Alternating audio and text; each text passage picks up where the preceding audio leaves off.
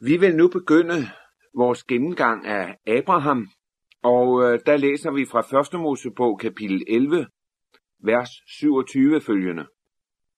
Dette er Taras slægtebog. Tara afledte Abram, Nakor og Haran. Haran afledte Lot. Haran døde i sin fader Taras levetid i sin hjemstavn i Ur-Kastim.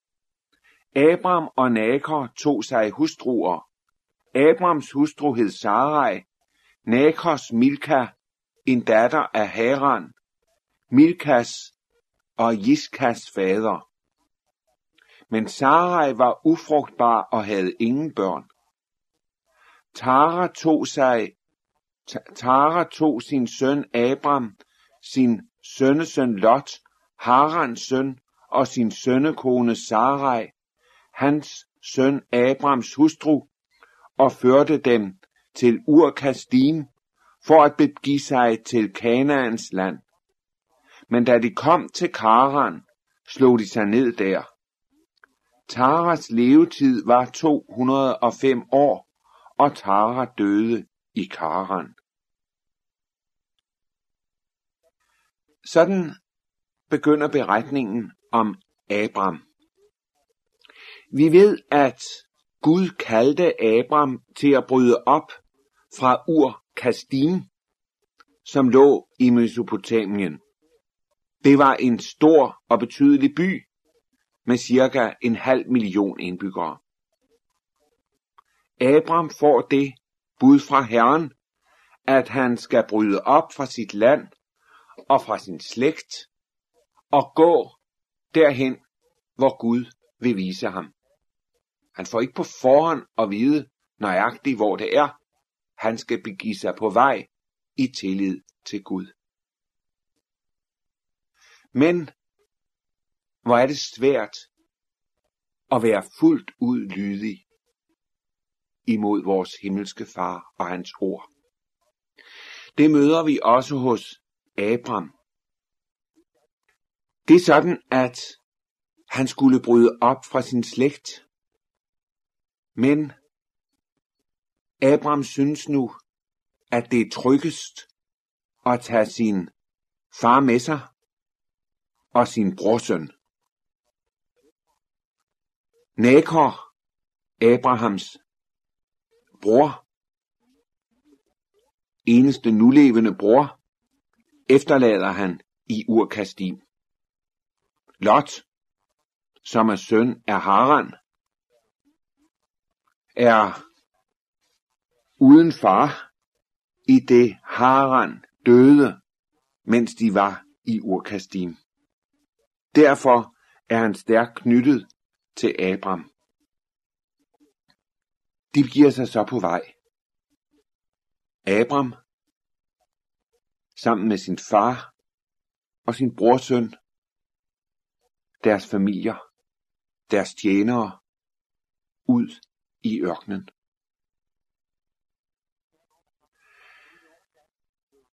De når så til Karan.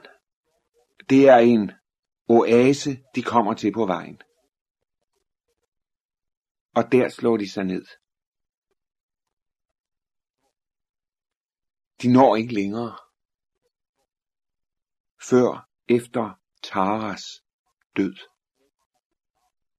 Abraham må begrave sin far i denne oase.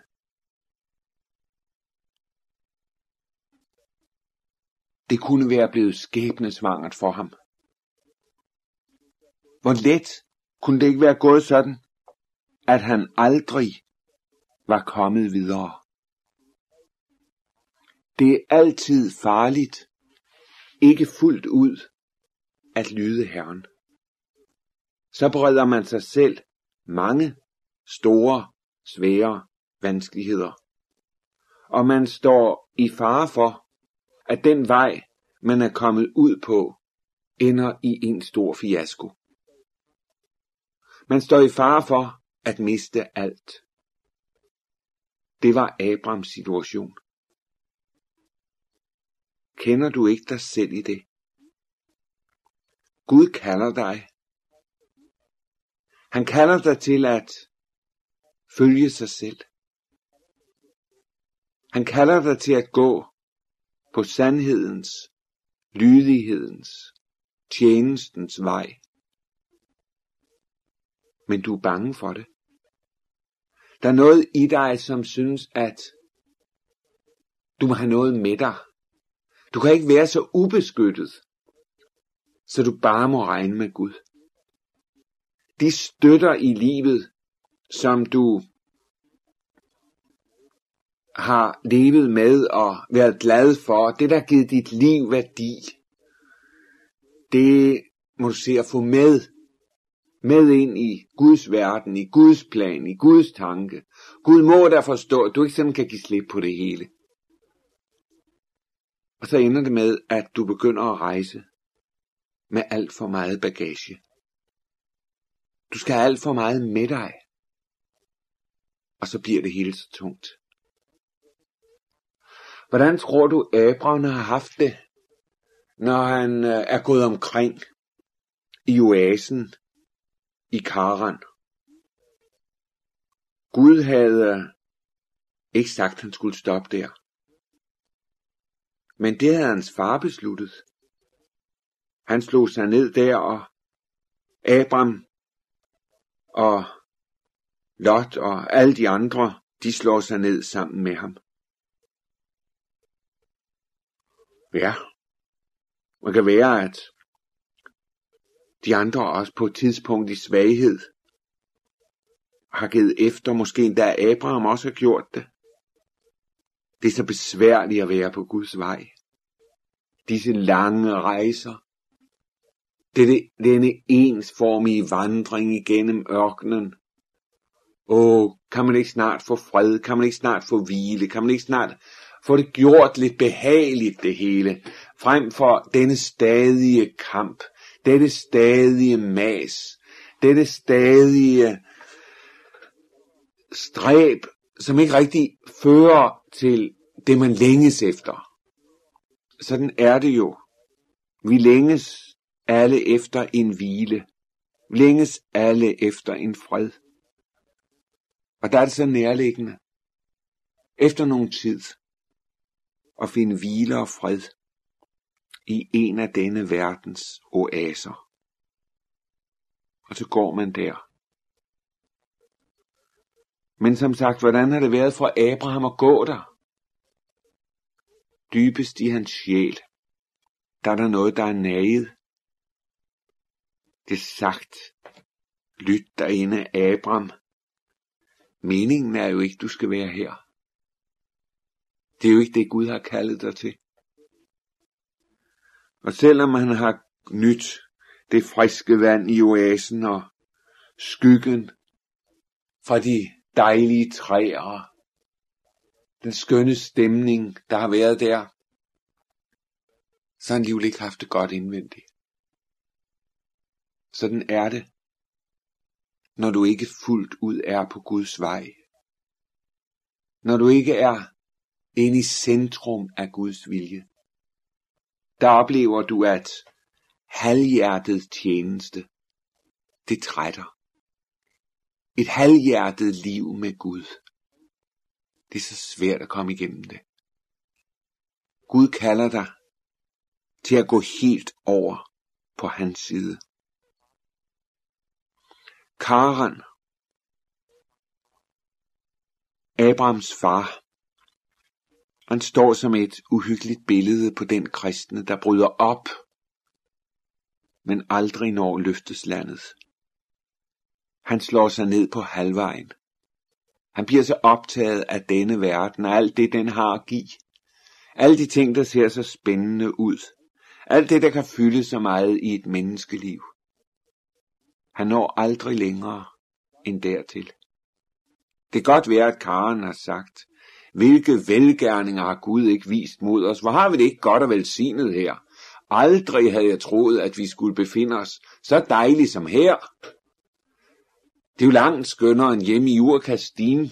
Her er der fred og ro og palmes, vi mærker palmernes susen. Og her, der er det rigtig sådan, at man finder sig selv. Fandt han sig selv? Nej, det gør du ikke. Du finder ikke dig selv, før du finder dig selv i Gud. I samfund med ham, i fællesskab med ham. Der hvor du deler alt med ham. Tar døde i denne verdens oase. Han blev 205 år. Efter hans livsalder er det ikke fordi, det er så overvældende. Efter vores er det jo et langt liv. Meget langt liv.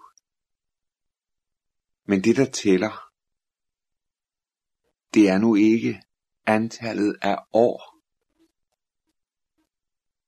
Som det er sagt, hvis man lever, mens man lever, så lever man længere, end man lever. I det øjeblik, vi kapper forbindelsen med Guds vilje, med Guds vej, så lever vi ikke rigtigt længere, mens vi lever. Og derfor bliver livet så underligt tomt, så underligt betydningsløst. Der står i den tekst, vi læste, en enkelt sætning. Men Sarai var ufrugtbar og havde ingen børn. Den står her helt i begyndelsen af beretningen om Abraham. Og den skal du lægge mærke til. I denne sætning ser du skyggen i Abrahams liv. Hvordan skal det hele blive til noget, når jeg ikke har nogen at give noget over til bagefter? I midlertid, så skal vi lægge mærke til, at selvom et menneske ikke fuldt ud er på Guds vej, så giver Gud ikke op. Han begynder igen. Det gør han også i Abrams liv. Det er det, vi møder i kapitel 12. Vi læser fra vers 1. Herren sagde til Abram, Drag ud fra dit land, fra din slægt og fra og din faders hus, til det land, jeg vil vise dig. Så vil jeg gøre dig til et stort folk, og jeg vil velsigne dig og gøre dit navn stort, og vær en velsignelse. Jeg vil velsigne dem, der velsigner dig, og forbande dem, der forbander dig. I dig skal alle jordens slægter velsignes. Gud kalder Abraham på ny med de samme ord. Sådan er det også i dit liv. Du der engang har fulgt Guds vej halt. Gud vender tilbage. Han prøver en gang til. Han prøver, om han ikke nu kan få dig til at gå, til at tro, til at regne med det, han har sagt. Det gør han ikke ved at sige nogle helt nye ord, men ved at gentage de ord, han allerede har sagt. Han siger det igen. Han behøver ikke andre ord. For Guds ord er evige. De står fast i himlen. Det der måske det er, at du hører, at du lytter. Drag nu ud, Abraham. Bryd nu op, Abraham, og gå til det land, jeg vil vise dig. Og så kommer det vid, vidunderlige løfte så vil jeg gøre så vil Gud handle. Så vil Gud gribe ind. Han skal ikke gøre sig selv til et stort folk. Han skal ikke velsigne sig selv. Han skal ikke gøre sit navn stort. Nej, han skal gå. Og så er der noget Gud vil gøre. Og så får han lov til at være en velsignelse. Ved at leve inde i centrum af Guds vilje. Sådan er det med dig. Sådan er det med mig. Følg nu Jesus. Bryd op. Drag mig efter dig. Sådan må du bede, sådan må du sige det. Herre, giv ved din ånd, at jeg må følge dig. Og så er der noget, han vil give dig. Overøse dig med velsignelse, med noget. Og du får lov at være en velsignelse. Læg mærke til de sidste ord, der står i vers 3. I dig skal alle jordens slægter velsignes. I Galaterbrevet kapitel 3, vers 8 og 16, bliver vi klar over, at de ord sigter mod Jesus selv. Abraham, han bærer Jesus i sig. Og det er derfor alle slægter skal velsignes i ham. Sådan ser det jo slet ikke ud. Abraham er oppe i Karan. Der går han som så mange andre. Vel er han nok temmelig velhavende. Men det er der også forskellige andre, der er. I det ydre, ydre, i det ydre fremstår han ikke som noget særligt. Men han er det. Han bærer en vidunderlig hemmelighed i sig. Jesus skal fødes i hans slægt. Der går en forbindelse fra ham til verdens frelser. Og det er livslinjen. Det er velsignelseslinjen i Abrahams liv. Men læg mærke til, at denne linje, den virkelig gøres i Abrahams liv, ved at han tror løftet om Jesus. Tror Guds tilsavn om, at i ham skal alle jordens slægter velsignes, og våger sig ud på dette løfte. Også Abraham måtte tro, for at løftet kunne virkelig gøres. Sådan er det også med dig og mig. Vi må tro dette vidunderlige løfte dette herlige tilsavn fra Gud, fra Gud. Vi må ind på velsignelseslinjen. Læg mærke til, hvordan det sker. Det sker ved, at Abraham, han regner med det, som Gud har sagt. Holder sig til det ord.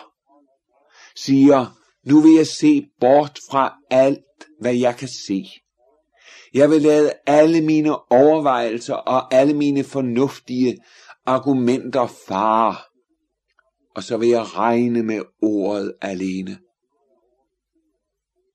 Du kan være overbevist om, at sjælefjenden djævlen er kommet til Abraham og sagt til ham, Opgiv det, Abraham. Der er så meget i dit liv, der ikke blev, som det skulle. Gud havde jo sagt til dig hjemme i Urkastim, at du skulle tage afsted alene. Men du tog både din far og din brorsøn med dig, og hvad nu? Det er så håbløst det hele. Opgiv det. Lad Gud vælge en anden, der har større kvaliteter end du. Men sådan resonerede Abraham ikke. I hvert fald fulgte han ikke denne røst. Han slap den ikke ind i sit sind. Han lod ikke det være gældende. Han sagde, jeg vil gå på Guds ord. Jeg vil sige til dig, se ikke på alt det, der er mislykket i dit liv. Se ikke på alt det, som er gået i skår. Opgiv ikke. Men vend dit blik mod det ord, der lyder i dag på samme måde, som det har lyttet tidligere. Gud begynder igen, og han kalder dig. Jesus siger, følg mig. Må jeg være din frelser. Må jeg få lov til at dække alle dine sønder med mit blod. Må jeg få lov til at være herre og konge for dig. Må jeg få lov dig ind i løfteslandet. Og så skal du sige det til ham. Jeg kan ikke selv. Det ved jeg. Men du er min hyrde. Du er min forsoner. Du er den, der kan alt det, som er umuligt for mig. Du har fuldbragt det hele. Jeg er din. Jeg regner med dig. Jeg bygger mit liv på det værk, som du har gjort. Se, der er du brudt op, og der er du fuldt, og der er du frelst af noget ved tro på Jesus. Lad os bede. Herre, du kender os til bunds. Du ser, hvor let vi stanser på vejen, på halvvejen. Tak, at du ikke gør det. Tak, at du kalder os på ny. På ny ind i lydighed imod dit ord. Tak, at du kalder os ind på frelsesvejen, ind i velsignelseslinjen. Herre, vi vil følge dig, lyde dig, tjene dig. Amen.